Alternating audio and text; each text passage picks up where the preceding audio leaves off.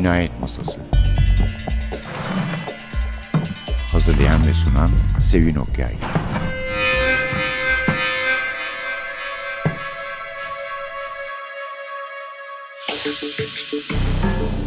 Merhaba, NTV Radyo'nun Cinayet Masası programına hoş geldiniz.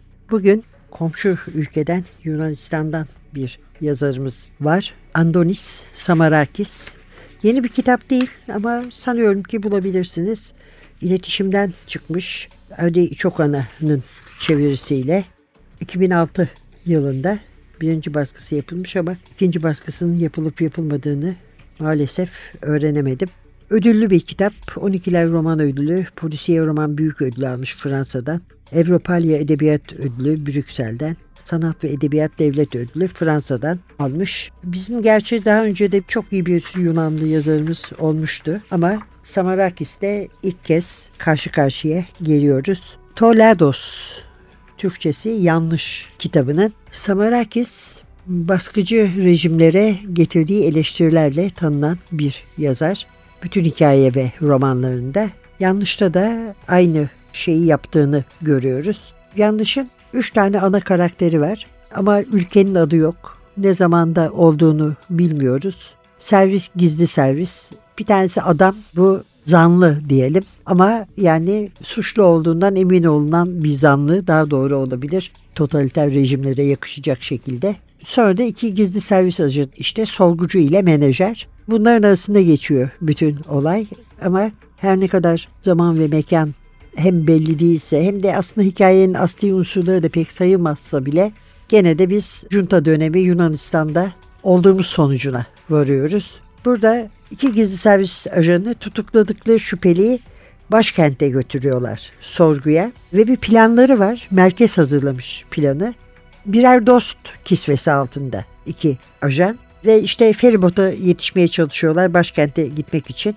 Şehrin içinde birlikte gezmeye çıkıyorlar ve hep şüphelinin kendini rahat hissetmesini sağlamaya çalışıyorlar. Bir dostluk ilişkisi kurmaya çalışıyorlar ki suçunu itiraf etsin ama suçunu itiraf etmiyor. Tam tersine bir kafede yakalayıp götürdükleri adam suçsuz olduğunu iddia ediyor sürekli ve bir psikolojik savaş başlıyor. Çok iç içe geçmiş çarkları olan bir psikolojik savaş gerçekten de ve böylece kahvede oturan ve kendi kendine içkisini içen, hayaller kuran, yanından geçerken ayağına basan birine ki iki oluyor daha önce de birisi basmış sinirlenerek ayağıma bastınız beyefendi diyen ve sırf bu müdahale ve ondan sonraki kısa konuşma yüzünden şüpheleri üstüne çeken kişi başına tam olarak ne geldiğini anlamasa da elbette o da gitgide şüphelenmeye başlıyor.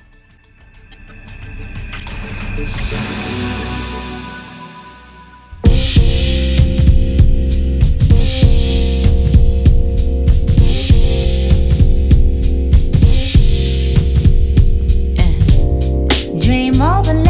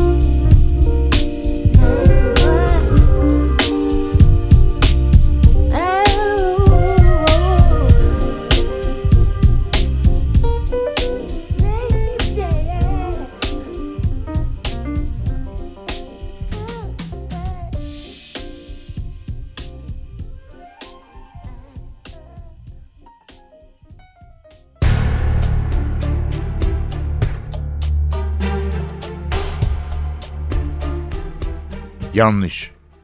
Hayır, neler söylediğini duyamamıştım. Tam o sırada yanımızdan koca bir soğuk hava kamyonu geçiyordu.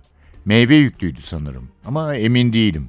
İşte bu kamyon muazzam bir toz bulutu kaldırmıştı. Bir de öyle gürültü çıkarıyordu ki duymam imkansızdı. Ne dedin diye sordum. Bana bir şeyler söylediğini gördüm ama kamyonun gürültüsünden tek kelimesini bile anlayamadım. Menajer tekrarlamaya üşeniyormuş gibi ters ters baktı. Sonunda yanıt vermeye tenezzül etti. Evet, ne alt etmeye ikide bir dışarıya bakıyorsun diye sormuştum. Hemen yanıt vermedim. Hiç elimden düşürmediğim halkaya geçirilmiş anahtarlarımı şöyle bir şangırdattım. Sonra sağ kulağımı kaşıyarak, sağ mıydı acaba? Kasıntıyla doğanın tadını çıkarıyorum dedim. Böbrek sancısı tutmuş, eşek arısı sokmuş, hayalet ya da ona benzer bir şey görmüş gibi ''Aa'' dedi. Sonra da gülümseyerek yan bir bakış attı. Gülümsemesi üstü kapalı alay doluydu. Kusuruma bakma diye devam ettim. Duayı seyretmenin canını sıkacağını düşünememiştim. Şimdi yüzüne bakınca farkına vardım. Baksana sen doğadan hiç hoşlanmaz mısın? Hayır mı? Bu muhteşem, bu romantik manzaradan. Şimdiye kadar işlerinden geçtiğimiz koyu renkli, somurtuk sanayi bölgeleriyle neşeli bir tezat oluşturan bu güzelliklerden kesik bir bakış atarak tek kelime söylemedi. Ama gülümsemesi, o alaycı gülümsemesi sanki suratına kazınmıştı. Susmakla ne yaptığını sanıyorsun? Hızımı almış duramıyordum. Çevremizdeki manzara senin için hiçbir şey ifade etmiyor mu? dost bir elin büyük bir ustalıkla dantel gibi ördüğü şu küçük alçak tepeler. Sağlı sollu sıralanmış, karşımızda selam duran şu ince uzun zarif ağaçlar. Kıvrıla kıvrıla akan şu küçük dere. Gökyüzünü yararak süzülen, bizi selamlayan şu kuşlar. Hele şu rengarenk kır çiçeklerinden yükselen bayıltıcı kokular. Böbrek sancısı tutmuş, eşek arısı sokmuş Bülent gibi "Oo!" dedi. Sen nesin? Daha doğrusu ne diyesin biliyor musun? diye patladım. Sen normal değilsin. Kalıbımı basarım, boğazına kadar komplekse batmışsın sen. Bana belirgin bir endişeyle baktı. Kendi kendine konuşur gibi. Sence ben kompleksli miyim diye söylendi. Hem de nasıl? İşte demin olanlara bir bakalım. Elimizdeki veriler ne? Doğa bize ardına kadar kucağını açmış, güzel kokularla renkler birbirleriyle yarışıyor. Ama sen umursamıyorsun bile. Çevremizi saran büyüleyici manzara seni hiç etkilemiyor. Kümes hayvanları, somurtuk domuzcuklar ve neşeli kuzuların arasında şarkılar söyleyerek oynayan şu çocuklar. Dersini ezberlemeye çalışan bir öğrenci gibi tekrarladı. Kümes hayvanları, somurtuk domuzcuklar, neşeli kuzular. Onu ikna etmek hevesiyle devam ettim.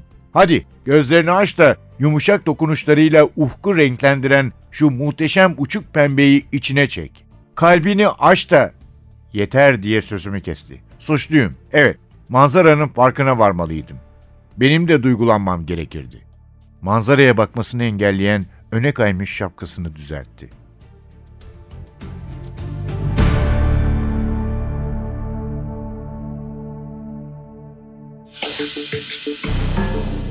Evet, Petros Markaris'ten sonra ikinci yazarımız Andonis Samarakis. Her ne kadar her ikisi de adalet peşinde siyasi sorunlara karşı gözleri açık polisiye yazarlarıysa da aslında stilleri hali farklı. Ömer Türkeş Samarakis'in Kafkaesk bir toplum tablosu yarattığını söylüyor ama gerçekten öyle. Çünkü beni de en fazla korkutan Hitchcock filmlerinde de olur biliyorsunuz. Başka edebi eserlerde de karşımıza çıkabiliyor. Bir günah olan hiçbir günahı olmadan herhangi bir şeyle suçlanan insanların durumudur. Belki de böyle bir şeyden çok korktuğum için. Bu da tamamen bunun üzerine kurulu ama bu yanlışlık yanlış yani kitaba da adını veren yanlış aslında bir yanlış değil bu aslında o rejimin işleyişinin normal bir parçası bir süreci bu belki de daha da korkutucu diyelim. Gerçekten de Kafkaesk bir rejim içindeyiz. Gene Türkeş'e göre yanlış polisiye anlatımın siyasi meseleler açılmak konusunda nedenli geniş imkanlar sunduğunu kanıtlayan bir roman. Efendim başka eserleri de var bilmiyorum onlar çevrildi mi Türkçe'ye. Sima Kindunu Alarm Sinyali diye bir ilk romanı 1959'da çıkmış. Arnuma'yı reddediyorum diye 61'de çıkan bir kısa hikaye seçkisi. Hükümette çalışırken 1963'te ayrılmış ve kendini tam zamanlı olarak yazmaya vermiş. En uzun kısa hikayesi olan Pasaportlu Pasportu okudum. O gerçekten iyi bir hikaye. Askeri dikta altında 1960'lı yılların askeri diktası altındaki tecrübelerini anlatıyor. Rejim hakkında olumlu bir şey yazmadıkça kendisine pasaport vermeyi reddetmişler. Bu sadece otobiyografik bir hikaye değil, genellemeler de yapıyor. Totaliter bir rejimde masum bir kurbanın başına gelenler ki bu sayeden de Kafkavari yani bunu da kabul etmek lazım. Samarakis 2003 Ağustos'unda ölen Antonis Samarakis ülkesinin askeri diktatörlük altında çekeceklerini önceden tahmin etmiş sanki ve yanlış da onun başyapıtı, şaheseri sayılıyor. 1965 yılında yazdığı bir kitap bu ve gerçekten de kehanetten farkı yok. Sahiden de askeri diktada kısa süre sonra ülkesine hakim olacak askeri diktada neler olacağını önceden görmüş.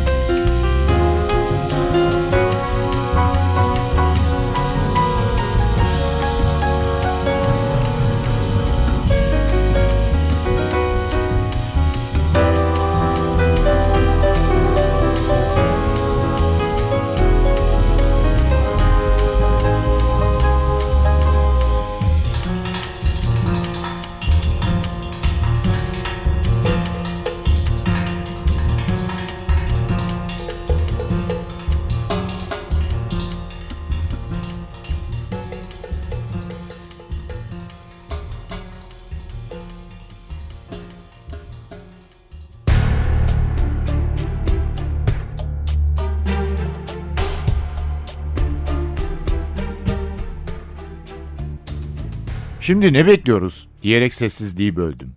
Ben bir sandalyeye çakılı kaldım. Sen de odanın içinde dönüp dolaşıyorsun. Tek yaptığımız arada sırada birbirimizle yer değiştirmek. Kendi yatağıyla yatağım arasındaki komodinin önünde durmuş, çekmecesini açmaya çalışıyor ama bir yere takılmış olduğundan bir türlü açamıyordu. Son bir gayretle çekmeceyi açmayı başardı. Sonra bana doğru dönerek menajerin telefonunu bekliyoruz dedi. Ne beklediğimizi bilmiyormuş gibi davranmamıza gerek yok. Menajer gideri 20 dakika oldu. Demek ki arabayı hangi tamirhaneye vereceğine daha karar verememiş. Evet, birazdan bizi araması gerekir, anlıyorsun değil mi? Uzun süre hareketsiz kalıp sessiz durmamız sinirlerimi gerdi. Ne dersin? Vakit geçirmek için bir şeyler oynayalım mı? Kağıt ya da satranç oynar mısın? Hayır, ben kağıt oyunları oynamam. Eskiden müptelasıydım ama 3 yıldır elimi sürmüyorum. Satranca gelince seve seve oynarım. Otelde var mıdır dersiniz? Sanırım vardır. Olmasa bile yakınlardaki bir kahveden istetiriz. Resepsiyonu aradım ve otellerinde satranç takımı da bulunduğunu söylediler. Kısa bir süre sonra oyuna dalmıştık. Ha evet, ben siyahları almıştım. Telefon çaldığında birinci oyunu yeni bitirmiştik. Altı hamlede mat olmuştum. Kafe spordaki adam menajer diyerek yerinden fırladı. Ahizeyi aldım. Anlat bakalım neler yaptın? Tamirhaneyi hallettin mi? Tuhaf bir tınısı olan tiz bir kadın sesi beni tersledi. Ne tamirhanesinden bahsediyorsunuz böyle? Ne istiyorsunuz hanımefendi? Ya siz ne istiyorsunuz? Beni rahat bırakmanızı.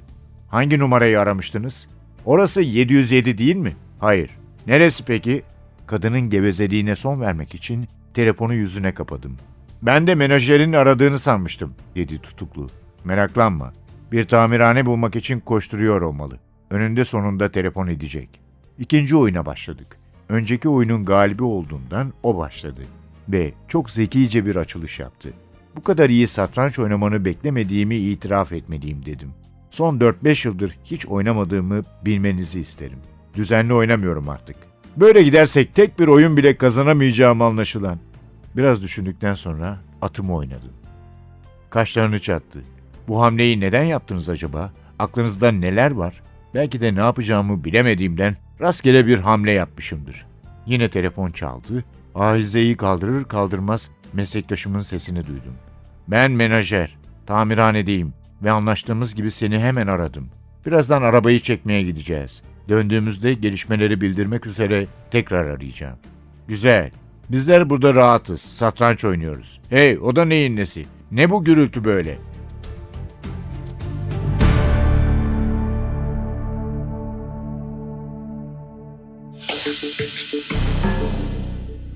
Kitap daha önce Mitos'tan da çıkmış. Ahmet Yıldırım tarafından çevrilmiş. O zaman şöyle tanıtımını yapmışlar kitabın. Yanlış her türlü totaliter rejime ve baskılara karşı yükselen bir insan sesidir. Polisiye bir roman sürükleyiciliği ile kaleme alınmış yanlışta sivil polisler arasında uzun bir yolculuk yapan bir devrimcinin iç hesaplaşmalarını, insanca korkularını, umutlarını, umutsuzluklarını bulacaksınız. Çağdaş Yunan yazarlarının en önemlilerinden biri olan Antonis Samarakis'in bu ünlü eseri birçok dile çevrilmiştir. Aslında devrimcinin acaba biraz yanlış bir tanım mı, zamansız bir tanım mı onu bilemiyoruz tabii. Ama gerçekten de o kadar iyi anlatılıyor ki meselenin dönüşü yani o iki kişi için gizli servislerin iki kişi için bu tamamen kanıksanmış bir olay. Aralarında konuşuyorlar, şakalaşıyorlar. Yani üçüncü bir kişinin ne hissetmiş olacağı onlar için önemli değil. Çünkü onlar o totaliter devletin birer temsilcisi ve üyesi ve onlar karşılarında muzur bir şahıs olduğunu düşünüyorlar. Yani rejime düşman, rejim için zararlı. Dolayısıyla insani mülahazalar yürütmek gerekmiyor ama plan da onların dostça davranmasını gerekiyor ki yani onu merkezde bekleyen sorgulamanın korkusu ve heyecanı ile onu götüren iki adamın dostça davranışları bir araya geldiği zaman şaşırsın adam ve itirafta bulunsun. Oysa adam itirafta bulunmuyor. Adam itirafta bulunmadığı zaman diğer iki kişinin özellikle sorgucunun ona itiraf ettirme çabaları yoğunlaşıyor. Bir an önce işlerini başarmak istiyorlar. Ama bu arada tabii dostluk dozajını da biraz yükselttikleri için kendi tuzağına düşüyor ve bir miktar dostça hisler beslemeye başlıyor. Yani dostluğun kendisi ortaya çıkar gibi oluyor ve Samarakis gerçekten de bu dengeyi çok iyi tutturmuş. Biraz daha ondan ve filmden söz etmeden önce yani şunu da söyleyeyim ki gerçekten iyi bir kitap. Polisiye sevseniz de sevmeseniz de ustaca yazılmış bir kitap olduğu için hoşunuza gideceğini umuyorum. Kimlerin beğendiğini söyleyeyim kitabı. Andre Malraux, Ignacia Silone ve George Simenon kitabı çok beğenenler arasında zaten 1970'te Fransa'da kazandığı ödülden söz etmiştim. Yabancı polisiye ödülü. Derinliği olan bir kitap. Dolayısıyla rejim ve koruyucuları, sorgucu ve menajer ile giden Kafe Sport'tan gelen adam. Çünkü adı öyle biliniyordu. Man from Kafe Sport, Kafe Sport'tan gelen adam. Sizin de ilginizi çekecek aralarındaki ilişki de e, rejim karşıtı faaliyetler olduğundan şüpheleniyor Kafe Sport'ta. Yerin kendisi zanlı bir defa her şeyden önce ve burada yakalanan ve tuzak kurup burada beklenen rejim karşıtı bir kişi var. Bu kişi yanından geçerken dediğim gibi ayağına basıyor. Bu da zaten daha önce birisi ayağına bastığı için sinirli. Yeri de iyi bir yer değil. Tuvalete yakın bir yerde oturmak zorunda kalmış. Adama tepkisini gösteriyor. Adama tepkisini gösterip adam da ona cevap verip bu konuşma biraz sürünce de bu rejim düşmanı yerdeki rejim düşmanı muhalif unsurun konuştuğu kişi olarak ister istemez kendisi de rejim düşmanı olması muhtemel bir zanlı. Hatta muhtemel de değil de neredeyse kesin bir zanlı olarak damgalanıyor.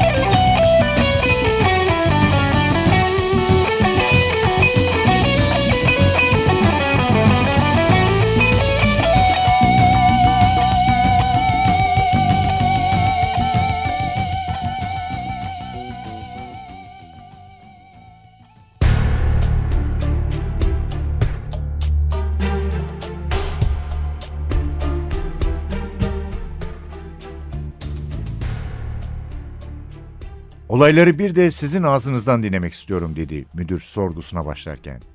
Diğeri yani suç ortağınız az önce olayları kendi bakış açısına göre anlattı. Ön sorgusundan çok ilginç bazı bilgiler edindik. Ama şimdi bunları sizin söyleyeceklerinizle karşılaştırmak istiyorum. Adam müdürün gözlerinin içine bakarak sakin bir sesle yanıt verdi. Suç ortağı mı? Ne demek istediğinizi pek anlayamadım. Sanırım başlarken size bazı açıklamalar yapmam gerekirdi diye devam etti müdür. Pek iyi anlaşılamadım korkarım. Bu da galiba benim hatamdan kaynaklanıyor. Kafe spordaki buluşmanızla ilgileniyoruz. Daha önce küçük bir kaza olmuş. Dikkatsizin biri sağ ayağınıza basmıştı. Ha, o dalgın adamdan mı bahsediyorsunuz? Gözlerinin bozuk olduğunu, 3 numara miyop olduğunu söylemişti. Hayır diye sözünü kestim müdür. Ayağınıza basan birinci adamı kastetmemiştim. Bizi asıl ilgilendiren ikincisi. Omuriliği boyunca buz gibi soğuk bir şeylerin aktığını hissetti. Şimşek hızıyla bir pot kırdığını düşündü. İkincisini gizlemek istercesine sadece birinci adama değinmemesi daha doğru olacaktı. Müdüre hemen hangisini sormuştunuz? Bugün benim şanslı günümdü. Bildiğiniz gibi kafe sporda iki kişi ayağıma bastı demeliydi. Şimdi beni daha iyi anlamış olduğunuzu umarım dedi müdür ve perdeyle gözlüklerini silmeye başladı. Evet, yani bu ikinci adamın herhangi bir nedenle sizin açınızdan önem taşıdığını anlayabiliyorum. Ama doğal olarak bu nedeni bilecek durumda değilim. Doğal olarak demeniz fazla iddialı kaçıyor ama yine de bir anlığına size katılalım. Yani bilecek durumda olmadığınızı varsayalım. Yine de bu adama neler söylediğinizi, onun da size ne yanıtlar verdiğini mutlaka hatırlamanız gerekir. Saniyeler içinde neyin daha doğru olacağını aklından geçirdi. Aralarındaki konuşmayı kelimesi kelimesine nakletmeli mi yoksa biraz değiştirmeli miydi? Gizli servis şifreli konuşmaları önceden biliyorsa zor duruma düşecekti. Hatta parolayı bilmemeleri durumunda bile ajanlar konuşmayı dikkatle dinlemiş olabilirdi. Müdür de şimdi onun doğru nakledip etmeyeceğini sınıyordu. Bu durumda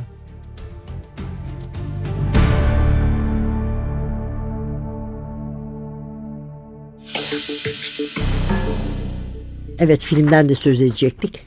Ondan da biraz söz edelim. Bir Alman yönetmenin Peter Flashman yönettiği bir film. Nedense adı Fransızca ama La Fake 1975 yapımı. Sorgucuyu Michel Piccoli oynuyor.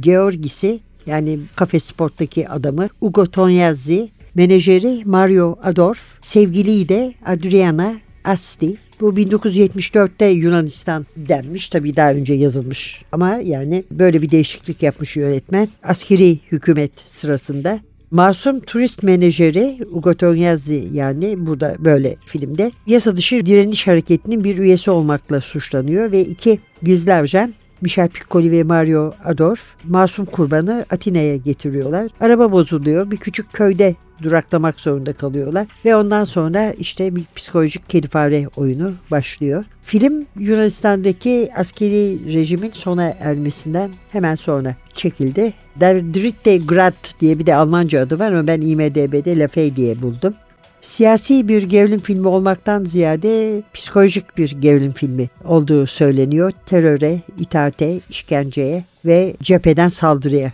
karşı. Oyuncular da iyi oynamış. Filmi görmediğimiz için ne desek boş. Yani fırsat bulursanız izleyin doğrusu. Ben de izlerim ama çok da fazla umutlu değilim. Bugün size iletişimin Çağdaş Dünya Edebiyatı dizisinden 2006'da çıkan tam 6 yıl önce Ekim 2006 Toledos yanlış isimli kitabı tanıttık. Dolayısıyla da ve hatta daha bile çok olarak Andonis Samarakis'i yazarı diğer kitaplarından söz ettik. Bu kitabı ayrıca destekleyenler ve takdir edenler arasında Arthur Köstler, Arthur Miller, Graham Greene de var. Ama Samarakis'in hayatında da bu kitaptan ve sonraki bir hikaye seçmesinden sonra bir duran dönem var. Sonra yeniden neyse ki eserler vermeye başlamış. Yanlışın kendisine gelecek olursak burada yanlış tabii adamın yakalanması değil. Çünkü o yanlış değil. O bir planın bir parçası ve zaten totaliter rejimler kendilerinin hata yaptığını hiçbir zaman düşünmez. Buradaki yanlış planın bu sözde hiç yanılmayan planın insan faktörünü göz ardı edişi. Yani yapılan yanlış bu. Sorgucunun birlikte oldukları süre boyunca şüpheli için duyduğu arkadaşlık duygusu, insanca yakınlık Planın göz önüne almadığı bu. Oysa geri kalan her şey düzmece ve birlikte oldukları süre şüphelinin direncini kırmaktan ziyade sorgucunun duyduğu yakınlığın artmasına yol açmış. Evet efendim kitabımız yanlış. Çevirmenimiz Ari Çokan'a, yazanımız Andonis Samarakis iletişimden çıkmış diyorum çünkü 6 yıl önce çıktı. Önümüzdeki hafta bir başka Cinayet Masası programı ile yine birlikte olmak üzere. Mikrofonda Sevin Masa'da Hasan. Hepinize psikolojik gerilim dolu bir hafta diliyoruz efendim. Eh hoşçakalın.